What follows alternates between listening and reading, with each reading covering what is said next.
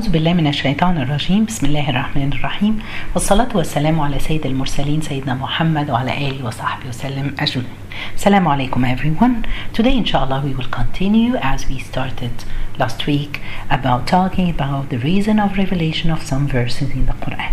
I hope that after every lesson go back and read the verses or the surahs that we have read and but after you knowing the reason it was revealed, read it, you will feel differently, you will understand it more, and read the tafsir for it. Today, inshallah, we will continue with some other verses to know the what was the reason of revealing.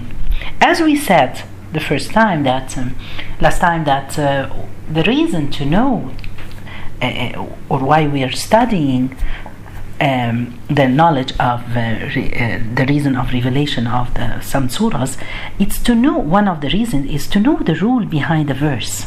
For example, I'll start with one of the verses, which is in Surah Al Isra, the night journey, verse number 110. Allah subhanahu wa ta'ala, He's saying, Say, call upon Allah or call upon the most merciful. Whichever name you call, to Him belong to the best names and do not and this is the one the part that is important and do not recite too loudly in your prayer or too quietly but seek between that and intermediate way. So here this reason why it was revealed this verse that Allah subhanahu wa ta'ala is talking to his prophet and telling him that don't raise your voice don't when you recite the Quran don't recite it loudly in your prayer and don't recite it quietly but something in between. They say that at the beginning of the revelation, as we all know, it was secret, that the Prophet calling people secretly.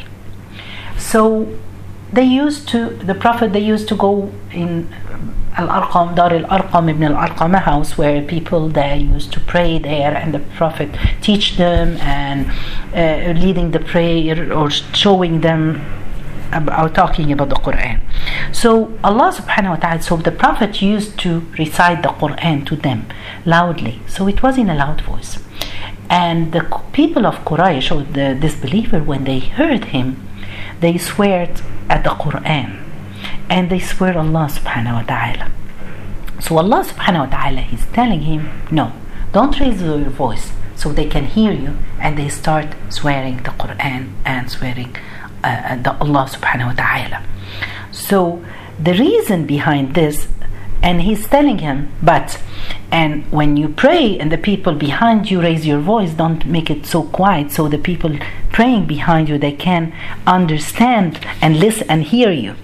So subhanallah, if we read this voice, uh, this verse, that the say Allah is telling us, telling the Prophet, uh, recite the Quran in a nice, acceptable voice, not very loud and not very short. But the reason it's behind it to know that not because how you recite the Quran, it's the reason is so people, the mushrikeen or the disbeliever, they don't swear Allah at the Quran.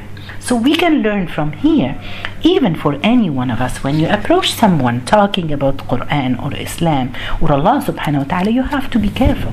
To whom are you talking? Because some people they're deaf, they don't want to hear. Or you know that they can argue and, and, and swear or say bad things about Allah subhanahu wa ta'ala, and this is the rule here. Stop. Don't talk to those people. And in the way of approaching people or calling people to Islam, let them take you as an example to be a good person so they want to know and they come to ask you and they want to follow your religion. So let's be a good example for Islam. Uh, Subhanallah. Um, as we said last time, when the Quran used to be revealed on the Prophet, it was so heavy on him and the prophet at the beginning always when jibril comes to him and recite to him so he was in a very hurry uh, uh, uh, re- repeating repeating the quran behind prophet uh, behind jibril so he doesn't forget uh, uh, subhanallah so another verse in surah al-qiyamah the resurrection verse number 16 it was revealed that لا تحرك به لسانك لتعجل به Inna alayna jam'ahu wa Qur'an. Allah subhanahu wa ta'ala is telling the Prophet, don't uh, uh move your tongue quickly so you can uh uh, uh, uh, say it quickly. No, no, calm down. It's our responsibility to make you know it and memorize it. We will collect the Quran, we will protect the Quran, subhanAllah. So, Allah subhanahu wa ta'ala was always protecting the Quran and He will always protect the Quran. Another verse um, that, or another story that uh, a reason for the Quran was revealed, uh, that Umm Salama, she was one of the companions of the Prophet, peace be upon him. She was a very wise person. And she came to the Prophet, peace be upon him, and she told him, O Prophet, the Quran, Allah subhanahu wa ta'ala didn't mention anything about the women who migrated. And always mentioning the men. And she was one of the first women who migrated from Mecca to Medina. And I'll tell you the story now, but first I will tell you. So Allah subhanahu wa ta'ala revealed uh, uh, this verse that Allah subhanahu wa ta'ala He's telling her that فاستجاب لهم ربهم أني لا أضيع عمل عامل منكم من ذكر أو أنثى بعضكم من بعض فالذين هاجروا وأخرجوا من ديارهم وأوذوا في سبيلي وقاتلوا وقتلوا لأكفرن عنهم سيئاتهم ولأدخلنهم جنات تجري من تحتها الأنهار ثوابا من عند الله والله عنده حسن الثواب What did Allah say? He revealed this verse. And their Lord responded to them, Never will I allow to be lost the work of any worker among you, whether male or female. You are of one another. So those who immigrated or were evict, evicted from their homes or were harmed in my, case, my cause or fought or were killed, I will surely remove from them their misdeeds and I will surely admit them to gardens beneath which rivers flow as reward from Allah and Allah has with him the best reward. Subhanallah. So the Quran was revealed. Why? To prove that any person, no matter a man or a woman, Allah will reward them the same. Our life And this is verse we have all to know it. So when people nowadays, when they talk about feminism and uh, sexism and the women they're not taking the rights in Islam, tell them no. Allah subhanahu wa ta'ala here, He's treating both men and women the same. So no one is better than the other. So subhanallah Umm Salma, a quick saying quickly, I wanted to say her story. She was married to Abu Salama, and from the first people who became Muslim, and from the beginning of the revelation, she migrated to Habasha, uh, Abyssinia. So. Um, and then they stayed there and they heard as we all know that there was a rumor that uh, people of Quraysh they became Muslims so they went back to Mecca but it wasn't true and then uh, her, she and her husband they decided to migrate to Medina even before the prophet peace be upon him. When they heard that some people in Medina they became Muslim. So they were going out from Medina she was her husband and her son, the young son, and on their way going out, her family they came and they stopped her and her husband. They told him, "If you want to migrate, you go, but our daughter, she's not going to leave." And they took her, and then the family of her husband, the husband, migrated to Medina, and she kept, she was kept in Mecca, and the family of her husband they came and they took her son from her. So she was separated from her husband and her son. She felt so bad, and she lived like this for a whole year. Every day she was crying, wishing and asking Allah subhanahu wa ta'ala to make her together with her husband and her son.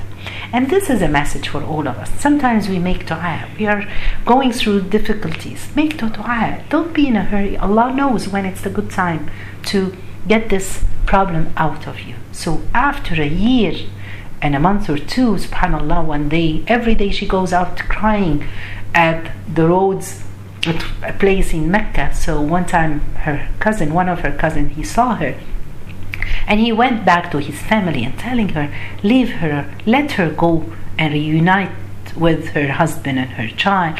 So they let her, they told her, okay, if you want to go, go.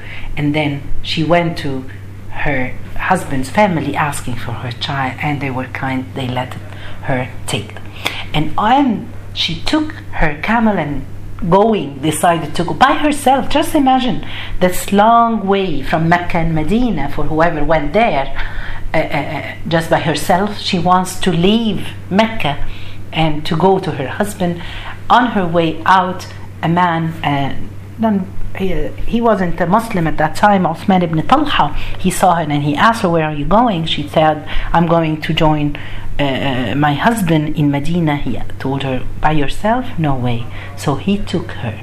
Subhanallah, he was a disbeliever at that time. But look, he was so kind.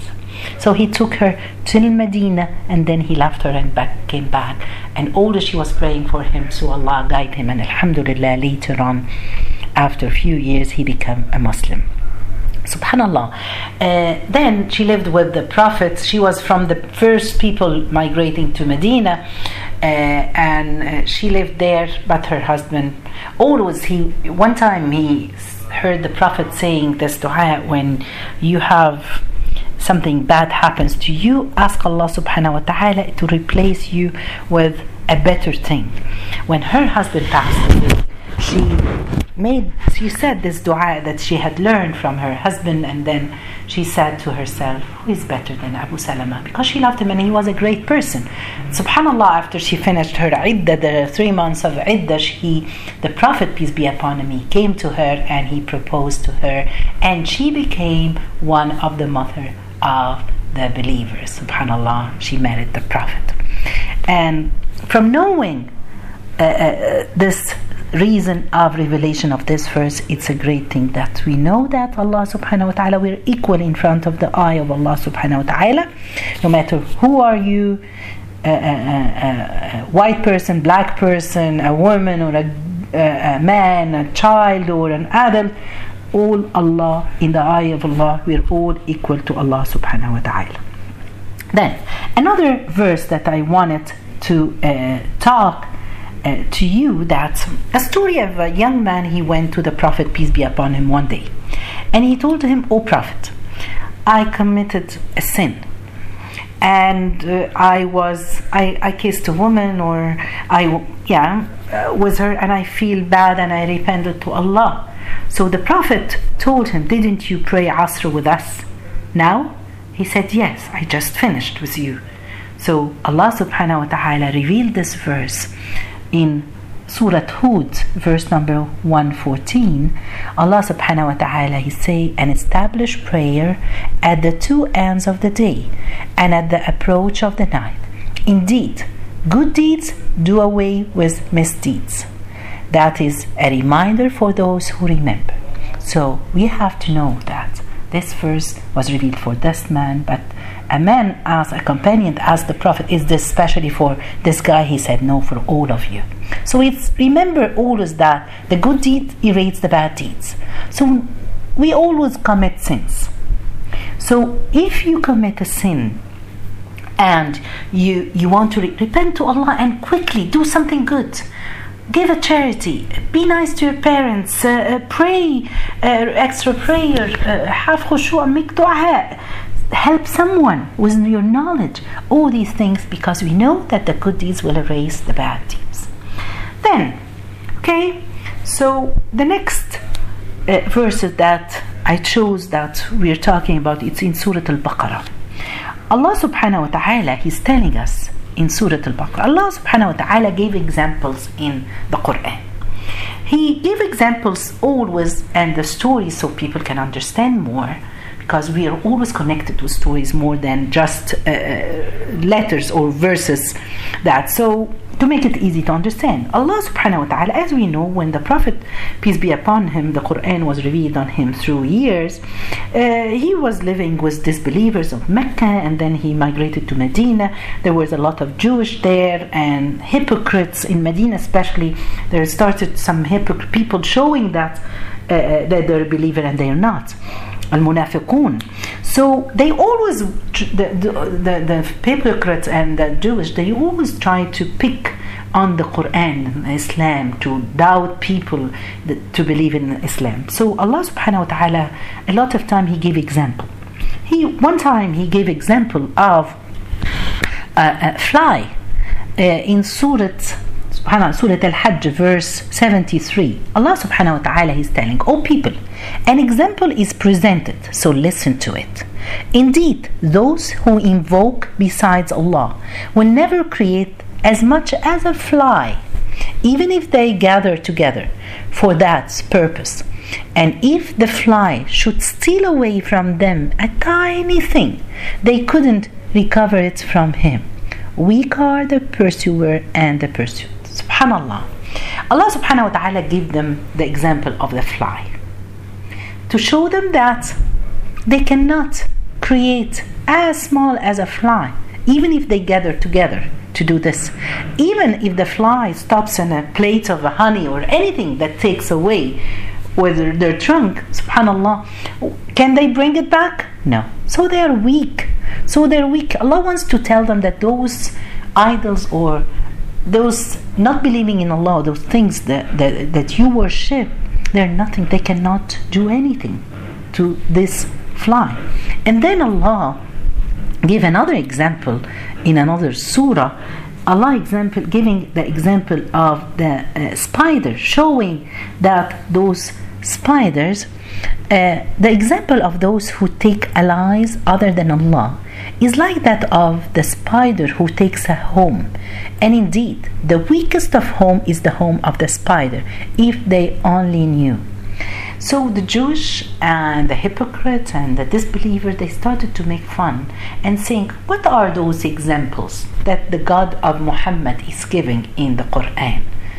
Isn't he astaghfirullah al-azim with those very weak examples? Subhanallah, they didn't get the message of Allah subhanahu wa ta'ala. The message of Allah by giving this example is to show, you know, something. When you give example of something very tiny, it shows how you're amazing, you're great. For example, I'll give you this example of at the beginning of uh, having clocks. At the beginning, the clocks were very big, the grandma's clocks, the big ones, the standing one. With technology, with knowledge, things started to be very tiny. Now they can make a, a, a clock in, in the size of a ring. Subhanallah. Which shows that the ability of Allah subhanahu wa ta'ala or the, the, the, the, person, the technician who uh, transferred a big clock like this is a tiny one. And look at the Big Ben clock. The circuits in making this Big Ben clock working now they're so tiny you make it in a small so this shows what you a, a great person who created this that's an improvement it's not a shame ولله المثل الأعلى when Allah subhanahu wa ta'ala is giving examples of those things they didn't get it the message was that you cannot these fly or spiders they have digestive system in their body this tiny body they have respiratory system it shows the creation of Allah. But they didn't get the message. So Allah subhanahu wa ta'ala, when they made fun of those examples that He's saying, Allah subhanahu wa ta'ala gave this example that is in Surah Al Baqarah, verse 26, that Allah subhanahu wa ta'ala, indeed, Allah is not timid to present an example. He's not shy to present this example that of a mosquito or what is smaller than that? And those who have believed know that it's the truth from their Lord. We don't care about what you're saying. So Allah revealed this verse telling them that you didn't get the message. Even those gods that you go to them, they cannot help you. They cannot do anything to you. Subhanallah. These are two examples or a few examples of verses that Allah subhanahu wa ta'ala had revealed in the Quran that we should learn them and know the reason why they were revealed. These things will make us closer to Allah and understand the Quran more. Jazakumullah khair. We have next time, inshallah, we will talk about one of the very amazing verses in Surah Al Baqarah. I'll try to take from uh, Surah Al Baqarah and then going on some big or some verses to know the reason it was. The next one, inshallah, if you want to read it before next time, is verse 102 in Surah Al Baqarah, talking about the Prophet Sulaiman and the two, the angels, Harut and Marut, or Harut and Marut. So, inshallah, um, next time we'll continue. جزاكم الله خير. سبحانك اللهم بحمدك أشهد أن لا إله إلا أنت أستغفرك وأتوب إليك.